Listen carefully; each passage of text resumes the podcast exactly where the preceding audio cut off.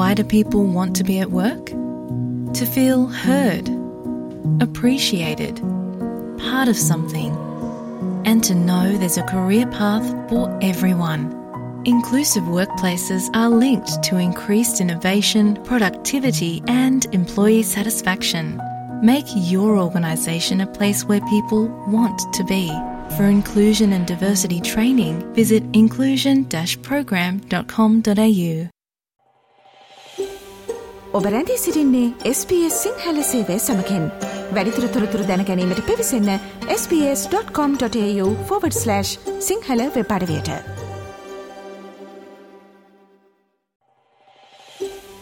ඔබ රැඳී සිරින්නේ SBS සිංහල සේවය සමකෙන්. වැඩිතුර තොරතුර දැනැනීමට පිවිසන්න ps.com.ta/ සිංහල වෙපඩවයට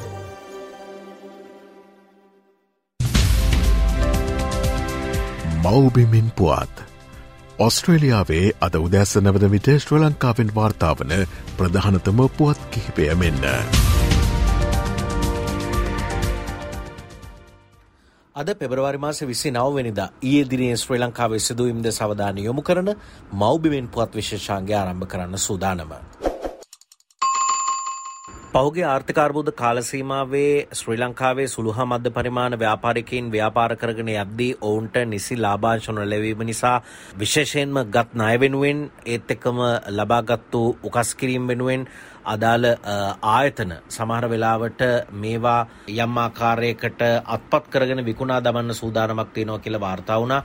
මේ හරහා පරාටේ නීතිය තමයි බලගැන්වෙන නීතිය. පරාටේ නීතිය ක්‍රියාත්මක කිරීමට එරෙහිව විපක්ෂයේ වීති බැස්සා. කොමුණත් දැනට මේ පරාටේ නීතිය සම්බන්ධයෙන් සංශෝධන අරගෙන එන්න මේ සම්බන්ධ සංශෝධන සිද්ධ කරන අවස්ථාවේදී සංශෝධන පාර්ලිමේන්තුවට අරගෙන එන්න බලාපොරොත්තු වෙනවා කියලා විජේදාස රාජපක්ෂ අධිකරණ ඇමතිවරයා සඳහන් කළා. ඒත් එක්කම කුඩා මධ්‍ය පරිමාණ ව්‍යවසායකයින්ට වෙනම ණය යෝජනා ක්‍රමයක් හඳුන්වා දෙන්න අපේක්ෂා කරන බව සඳහන් කළා. ජනාධිපති මාධ්‍ය කේන්ද්‍රයේ තිබුණු මාධ්‍ය සාකච්ඡාවකට එක්වෙමින් තමයි ආචාර්ය විජේදාස රාජපක්ෂ අධිකරණ අමාත්‍යවරයා මේ පිළිබඳව සඳහන් කළේ.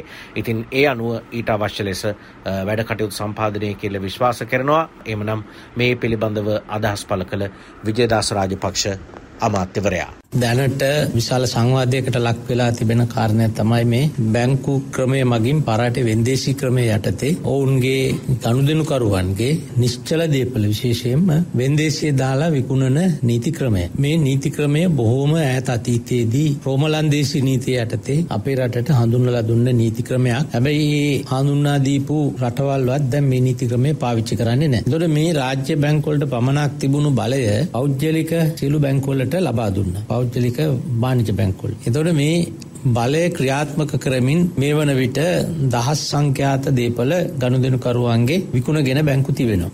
ශ්‍රී ලංකාව යළිත් මැතිවරණ සඳහා සූදානම් වෙන වෙලාවක කලින්ම පැවැත්වෙන්නේ ජනාධිපතිවරණය කියලා සඳහන් කරලා තිබුණා. නමුත් මේ අවුරුද්දේ සැප්තැම්බර් 18 ඔක්තෝබර් 18 මේ කියන මාසයක කාල සීමාව ඇතුළේදී ජනාධිපතිවරණයට දින තීරණය කරන්න සිද්ධ වෙනවා කියලා බොහෝ දෙනෙක් කතා කරා වගේම එය ඊයේ දවසේ මැතිවරණ කොමිෂන් සභාව තහවුරු කළා.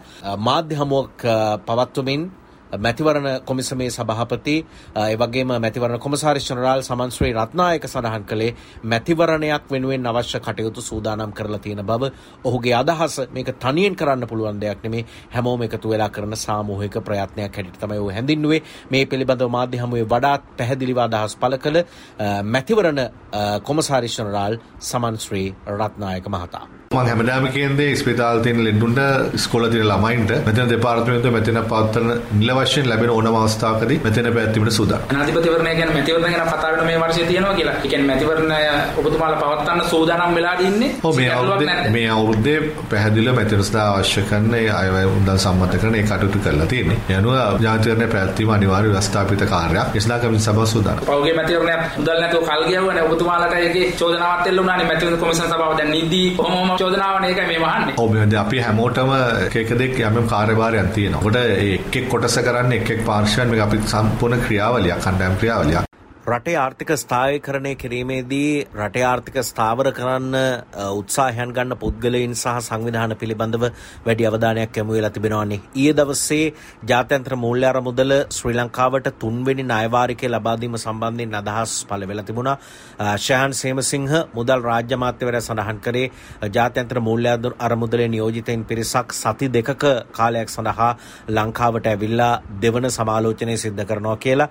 අපි දැක්ක පළවෙනි සමාලෝචනය සමාලෝචනය සිද්ධ කරලා දෙවැනි වාරිකය දුන්නා. දැන් දෙවැනි සමාලෝචනය කරලා තුන්වෙනි වාරිකය ලබා දෙන්නයි සූදානම් වෙන්නේ. මාර්තු මාසේ 7 වෙනිදා ඉඳලා මේ තුන්වන වාරිකයට අදාළ සමාලෝචනය සති දෙකක පමණ කාලයක් ජාත්‍යන්තර මූල්‍ය අරමුදලේ නියෝජිතයින් ශ්‍රී ලංකාවේ ඉඳලා නිරීක්ෂණය කරලා ලබා දෙන්න නියමිත බව වාර්තා වෙනවා. ඒ අනුව ශයහන් සේමසිංහ රාජ්‍ය අමාත්‍යවරයා ඒ පිළිබඳව පළ කළ අදහස් වලට දැන් අපි යොමු වෙමු. තුන්වැනි වාරිකය සම්බන්ධයෙන් දෙවැනි සමාලෝචනය මාර්තු මාසේ හත්වනිද ආරම්භ වේ. එහින්දා අපි බලාපොරොත්තු වෙනවා ජාතන්ත්‍ර මූල්‍ය අරමුදලේ දූත පිරිස මාර්තු මාසේ හත්වනිද ඉඳලා සතිය දෙකකට ආසන්න කාලයක් පළවෙනි සමාලෝචනයට වගේ දෙවැනි සමාලෝචනය කරන්න කටයුතු කරාවි දෙසැම්බර් මාසේ තිස්ස එක දක්වා රජයේ මූල්‍ය තත්ත්වය සහ අනිකුත් එකඟතා සම්පූර්ණ කිරීම පිළිබඳව. පළවෙනි සමාලෝචනය සිදුවෙද්දි අපි ආර්ථික ප්‍රසංස්කරන ක්‍රියාවලිය තුළ පළවෙනි වතාවට තමයි මේ ක්‍රියාත්මක කිරීම සිදු කරේ. එතනදී යම් යම් තත්ත්වයන් පිළිබඳ විශේෂ අවධානය යොමු කිරීමේ අවශ්‍යතාවය තිබ. දෙවනි සමාලෝචනය අවසන් වුණාට පස්සේ අපිට තුන්වෙනි වාරිකය ඒ කාර්ය මණ්ඩල එකඟතාවයට ආවට පස්සේ ලබා ගැනීමේ හැකියාවක් තියෙනවා.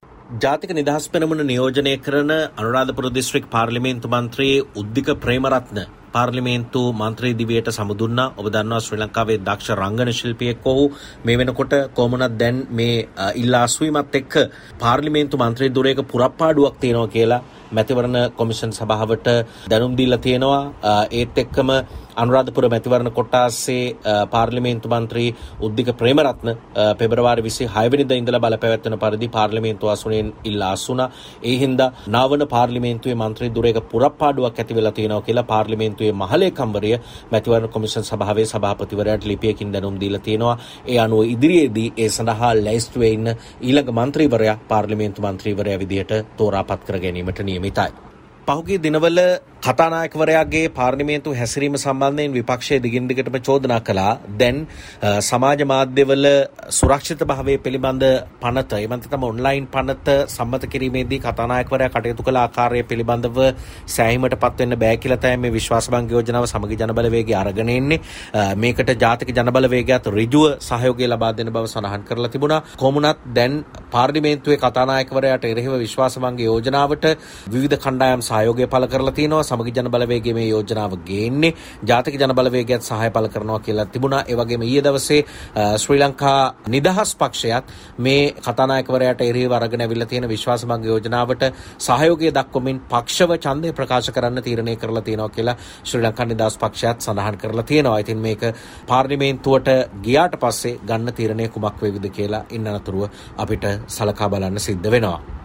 ශ්‍රී ලංකන් ගුවන් සේවේ ගුවන්යානා ප්‍රමාදය සම්බන්ධයෙන් විවිධ පාර්ශව මැසිවිලි නගනවා චෝදනා කරනවා එවගේම ගුවන් මගින් ගුවන්තොටුපළ තුළ ප්‍රශ්න කරමින් විමසමින් ටිකක් ආවේගශීලීව හැසිරෙන වීඩියෝ දර්ශන අපිට සංසරණය කරනවා දකින්න පුළුවන්කම ලැබුණා. කොමුණත් මාර්තු පස්වනිදා ශ්‍රී ලංකන් ගුවන් සේවය මිලදී ගන්න ලංස් විවෘත කිරීම සිද්ධ කරලා ඊට පස්සේ ආයෝජකයෙක් තෝරගන්නවා කියලා නිමල් සිරිපාල සිල්ලා විශේෂ භාර ඇමතිවරයා සඳහන් කරා. ඒත් එක්කම ඔහු කිව්වේ මාර්තු පස්වනිදා උදේ 10 ඉඳලා හවස 2 වෙනකම් වෙනකං ලංසු කැඳවල තියෙනවා එන්න පුළුවන්.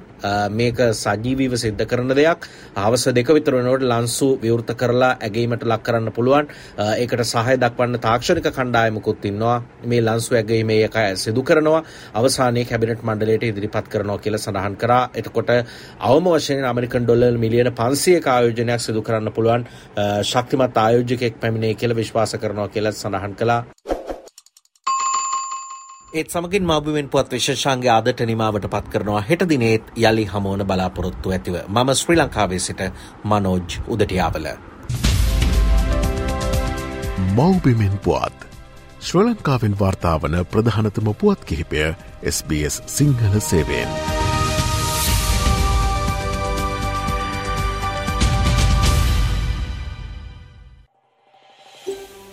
මේ වගේ තවත්තොරතුරු තැනකන්න කැමතිද.